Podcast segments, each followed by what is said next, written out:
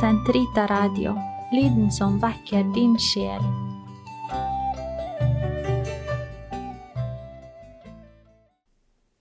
Den katolske kirkes katekisme, uke 24, onsdag, paragraf 396 til 401. Den opprinnelige synd. Friheten settes på prøve.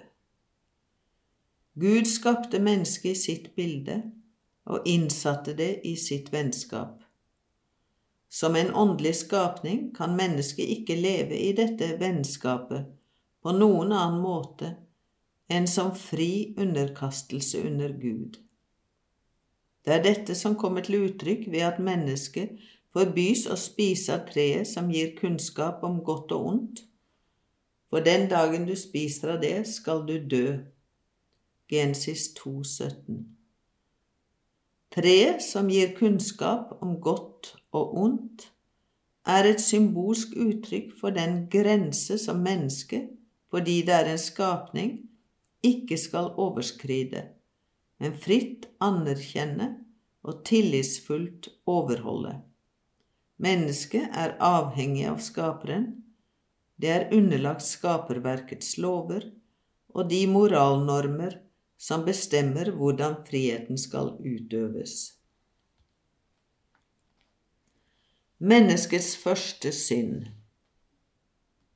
Mennesket ble fristet av djevelen og lot tilliten til Skaperen dø i sitt hjerte. Det misbrukte sin frihet og var ulydig mot Guds bud. Det var dette menneskets første synd bestod i. I ettertid blir all synd ulydighet mot Gud og mangel på tillit til Hans godhet. Ved denne synd foretrakk mennesket seg selv fremfor Gud og viste dermed forakt for ham. Mennesket valgte seg selv mot Gud, i motstrid til det som krevdes av det som skapning, og dermed i motsetning til sitt eget beste. Skapt som det var i en tilstand av hellighet, var mennesket bestemt til å bli fullt ut guddommeliggjort av Gud i herligheten. Det ble forført av djevelen til å ville bli som Gud, men uten Gud og før Gud, og ikke ifølge Gud. Skriften viser hvilke dramatiske følger denne første ulydighet fører til. Adam og Eva mister på stedet den opprinnelige hellighets nåde.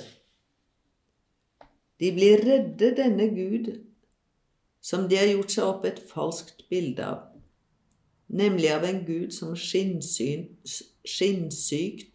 ruger over sine særfordeler. Den harmoni de hadde levd i takket være den opprinnelige rettferdighet, ble knust. De åndelige sjelsevners herredømme over kroppen ble slått i stykker. Samlivet mellom mann og kvinne blir anspent. Forholdet mellom dem vansiret av begjær og herskesyke. Det harmoniske forholdet til skaperverket blir ødelagt. Den synlige skapning står for mennesket som noe fremmed og fiendtlig. På grunn av mennesket blir skaperverket lagt under forgjengelighet. Og endelig fullbyrdes det som uttrykkelig var blitt sagt ville bli følgen av ulydighet. Mennesket vender tilbake til jorden, for av den er det tatt. Døden har holdt sitt inntog i menneskehetens historie. Etter den første synd oversvømmer synden jorden. Kains mor på Abel, ondskapen på jorden som følge av synd. På samme måte løfter synden ofte sitt hode i Israels historie, særlig i form av troløshet mot paktens Gud og overtredelse av Moselov, også etter forløsningen i Kristus viser synden seg på mangfoldig vis blant de kristne.